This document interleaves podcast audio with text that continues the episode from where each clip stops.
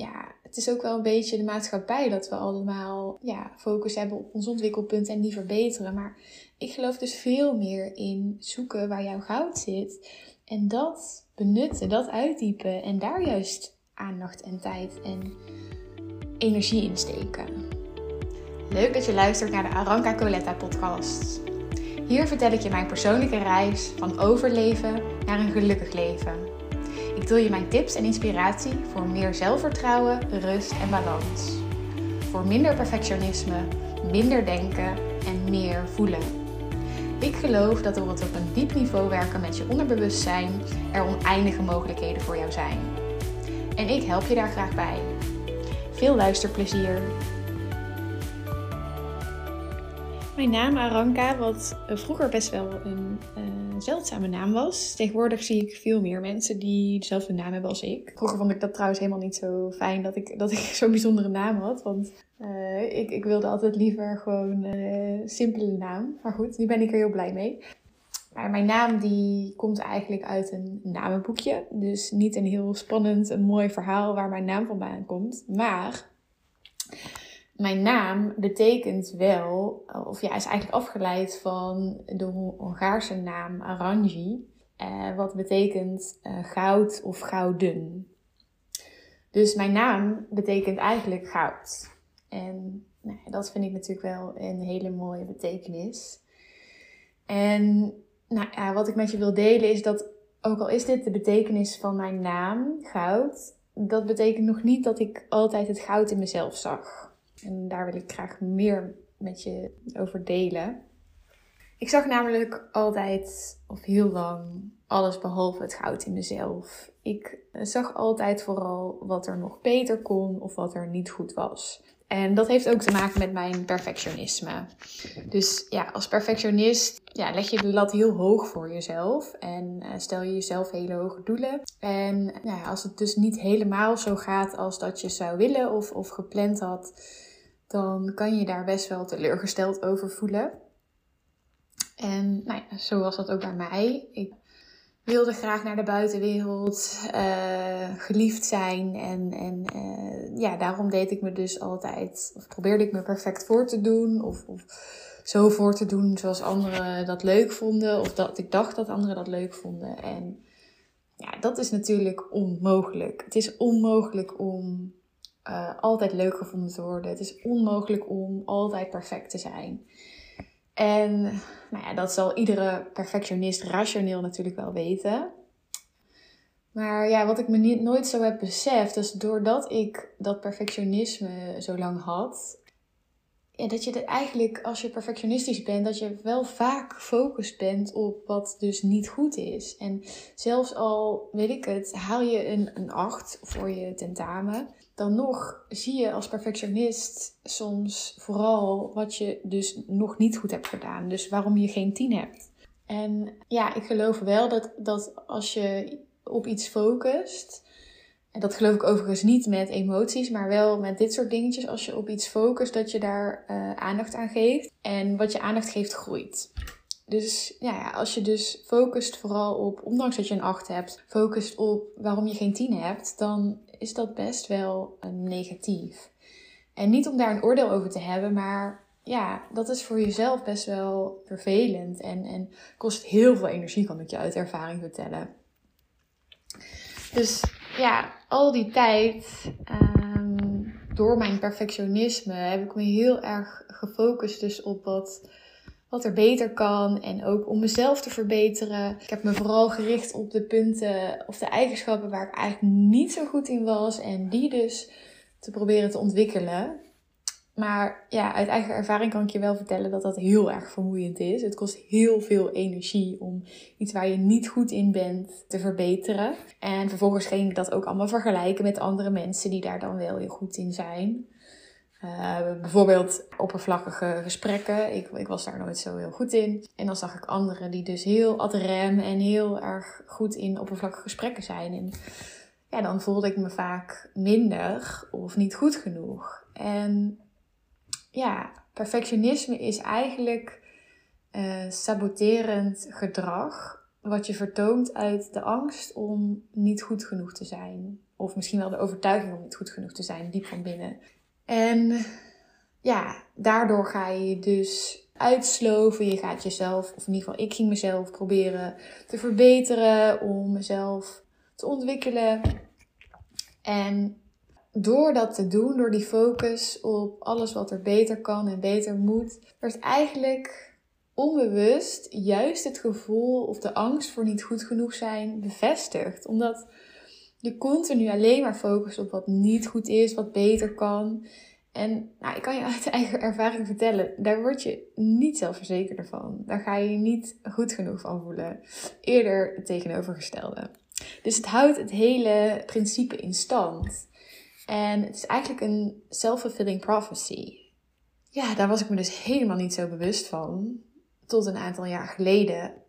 En ja, ik heb dit, doordat ik dit bewust, doordat ik me hiervan bewust werd, is het me wel gelukt om, om dat ja, om te draaien. En, en ja, eigenlijk kun je dit in alles wel toepassen, in de meest kleine dingen. Al, al, al um, gaat het om zoiets als bijvoorbeeld skiën. Ik, ik ben. Uh, nou, heel lang geleden heb ik voor het eerst. Uh, tijdens mijn eerste. Nee, tijdens mijn studententijd trouwens. Heb ik voor het eerst geskiet. Oh nee, toen heb ik gesnowboard. Nou, in ieder geval, ik heb afgelopen jaar voor de tweede keer pas geskiet. En nou ja, dat vond ik best wel spannend. Want het is natuurlijk. Ja, het kan gevaarlijk zijn. Van tevoren kreeg ik van iedereen uh, het advies van uh, breek je benen niet. Nou ja, dat is niet echt bemoedigend. Maar nou, ik vond het wel een beetje spannend, zo die hoogte en dan uh, iets doen wat je nog helemaal niet kan. En, en toen heb ik eigenlijk wel bewust het een beetje omgedraaid. Want ja, als perfectionist zijn, kun je dan als je gaat skiën, kun je heel erg letten op al die andere skiers die het heel goed doen en proberen om net zo goed te zijn als zij. En ja, zeker als je dus het voor de tweede keer pas doet, dan weet je gewoon, ja, dat, is, dat gaat niet lukken. Dat, dat, dat is zo um, ver van je bedshow om, om, om meteen te willen, uh, om het perfect te doen, om het goed te doen zoals anderen die dat misschien al vanaf hun kinds af aan doen. Dus ja, dat is, als, je, als je dus daarop focust, dan, dan, dan zie je dus vooral dat je helemaal niet goed bent en dat je een beginner bent. En dat is dus wat ik geloof. Is dat als je dus die mindset hebt, is dat je vervolgens ook alleen maar minder gaat skiën. En wat ik dus bewust heb ingezet tijdens dat skiën was dat ik uh, tegen mezelf ging zeggen van nou, ik kan dit. Ik ben goed. Ik, ik uh, zit in de flow. En uh, het gaat me goed af. En, en ja, eigenlijk herhaalde ik die boodschap de hele tijd tegen mezelf, bewust. Dus ja, en dat maakte ook wel dat ik het eigenlijk wel best leuk vond. Want ik zag dus de hele tijd dat dingen best goed gingen. En ik was me niet aan het vergelijken met anderen, want dat had ik niet nodig. Ik was gewoon aan het focussen op mezelf. En continu tegen mezelf aan het vertellen: het gaat lekker, het gaat goed, je bent goed bezig. En ja, gek genoeg was ik helemaal niet meer zo bezig met of ik het wel goed deed, maar was ik eigenlijk ook wel echt aan het genieten. En nou ja, dat is denk ik ook wel waar het om gaat. Dat je het gewoon leuk hebt. Dat is ook de reden dat ik ben gaan skiën. Niet om uh, professioneel skier te worden. Het was gewoon een vakantie voor de lol. Uh, en dat is natuurlijk ook met perfectionisme. Dat, dat, dat vaak de lol van dingen afgaat als je heel veel druk op dingen legt. Of als dingen echt perfect of helemaal moeten gaan zoals jij dat wil. Dan, dan is het helemaal niet meer leuk. Want dan zit er zoveel druk op. En dan haal je alle spontaniteit en de lol ervan af. Dus juist door dit om te draaien en nou ja, door eigenlijk gewoon tegen mezelf te zeggen dat het me goed afging, kon ik dat loslaten en, en genieten. En nou, dit is een heel klein voorbeeld, maar ja, als het dan even, even terug uh, om, om je goud gaat. En ja, dat, dat is dus wat ik heel lang heb gedaan, is heel lang dus focussen op. Uh, nou ja, mijn mindere kanten, waar ik niet goed in ben. En dat is bijvoorbeeld dus dat oppervlakkige uh, praten. En, en om dat te verbeteren. En ik heb zo eigenlijk heel lang geprobeerd ook om iemand anders te zijn dan ik ben. En om daar vervolgens beter in te worden. Maar ja, als je gewoon ergens niet goed in bent, dan kun je daar misschien wel wat beter in worden. Maar dan zal je nooit, nooit, zeg maar, goud winnen op de Olympische Spelen. Want ja, mensen zijn nou eenmaal zo dat ze bepaalde dingen van nature uh, makkelijker kunnen dan, dan andere dingen. En ik geloof wel in de duizend uur regel, hè, dat, dat, dat, dat je echt wel in staat bent om heel veel te kunnen. En, en als je maar genoeg uh, gemotiveerd bent en genoeg oefent en, en, en blijft doen, dan geloof ik dat je toch echt wel heel, tot heel veel in staat bent. En dat heb ik zelf ook wel nou ja, bewezen. En die mindset heb ik ook wel. Maar ik geloof ook wel dat jij ook wel mag meenemen hoe je gewoon bent. En zeker als het gaat om eigenschappen. Uh, ja, ik ben een heel gevoelig persoon. En ik ben een persoon die houdt van diepgaande gesprekken, van echte verbinding, van echt contact. Maar ik heb dus eigenlijk heel lang geprobeerd om meer een soort extravert persoon te, te zijn die meer oppervlakkig contact heeft. En uh, ja, heel erg mijn best gedaan om zo te worden. Maar ja, die persoon ben ik gewoon niet. Ik ben niet die extraverte, uh, ongevoelige uh, persoon. En heel eerlijk, die persoon wil ik ook niet meer worden. Maar vroeger wilde ik dat dus wel. En nou ja, ik heb dus continu geprobeerd om dat te verbeteren. En dat is me dus misschien wel een beetje gelukt om het te verbeteren. Maar ja, ik zal nooit die persoon echt zijn, want ik ben die persoon niet. Dus ja, ik focus me dus helemaal niet op mijn goud. Want ja, ik focus me op juist de dingen waar ik niet goed in was. En totdat ik uh, loopbaancoaching ben gaan doen. En daar uh, gingen we heel diep in op, nou ja, wie ben je? Wat wil je? Wat zijn je kernwaarden? Um, dat soort dingetjes. En dat was eigenlijk het eerste moment dat ik überhaupt me ging afvragen wie ik eigenlijk ben. Uh, en ik kwam eigenlijk tot hele mooie, mooie inzichten. Ik, ik dacht dus altijd dat ik uh, best wel een rationeel persoon was. Een, een blauw uh, persoon, zoals je dat noemt dan in die, die kleuren. Al is dat best wel natuurlijk uh, in hokjes stoppen.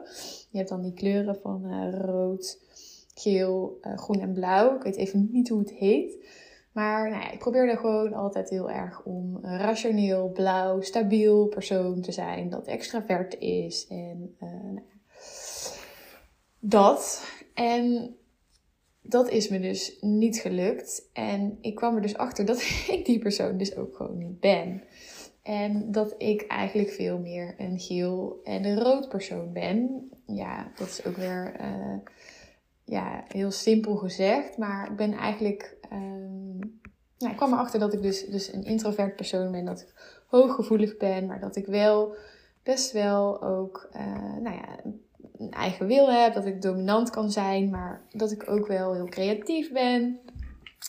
Ik ontdekte dus heel veel van mezelf wat ik helemaal niet wist en wat ook echt wel, nou ja, kwaliteiten zijn. En niet omdat ik daar nou zo mijn best voor heb gedaan of dat ik daar heel veel moeite in heb gestoken, maar gewoon omdat ik zo ben. En nou ja, ik ontdekte dus dat jouw goud niet iets is waar je voor moet werken waar je ja, heel veel tijd in moet stoppen om het te verbeteren. Dat kan wel, maar eigenlijk in essentie voor mij is, is mijn goud is iets wat je van nature al hebt en wat je al bent. En omdat het dus zo vanzelf is en zo vanzelf gaat en omdat je dus zo dat eigenlijk bent, heb je niet zo door dat het dan jouw goud is, omdat het gewoon voor jou dus vanzelfsprekend is. Maar ja, als je dat dus wel wat meer gaat onderzoeken, dan blijkt, zo te, blijkt dus dat het helemaal niet zo vanzelfsprekend is. En dat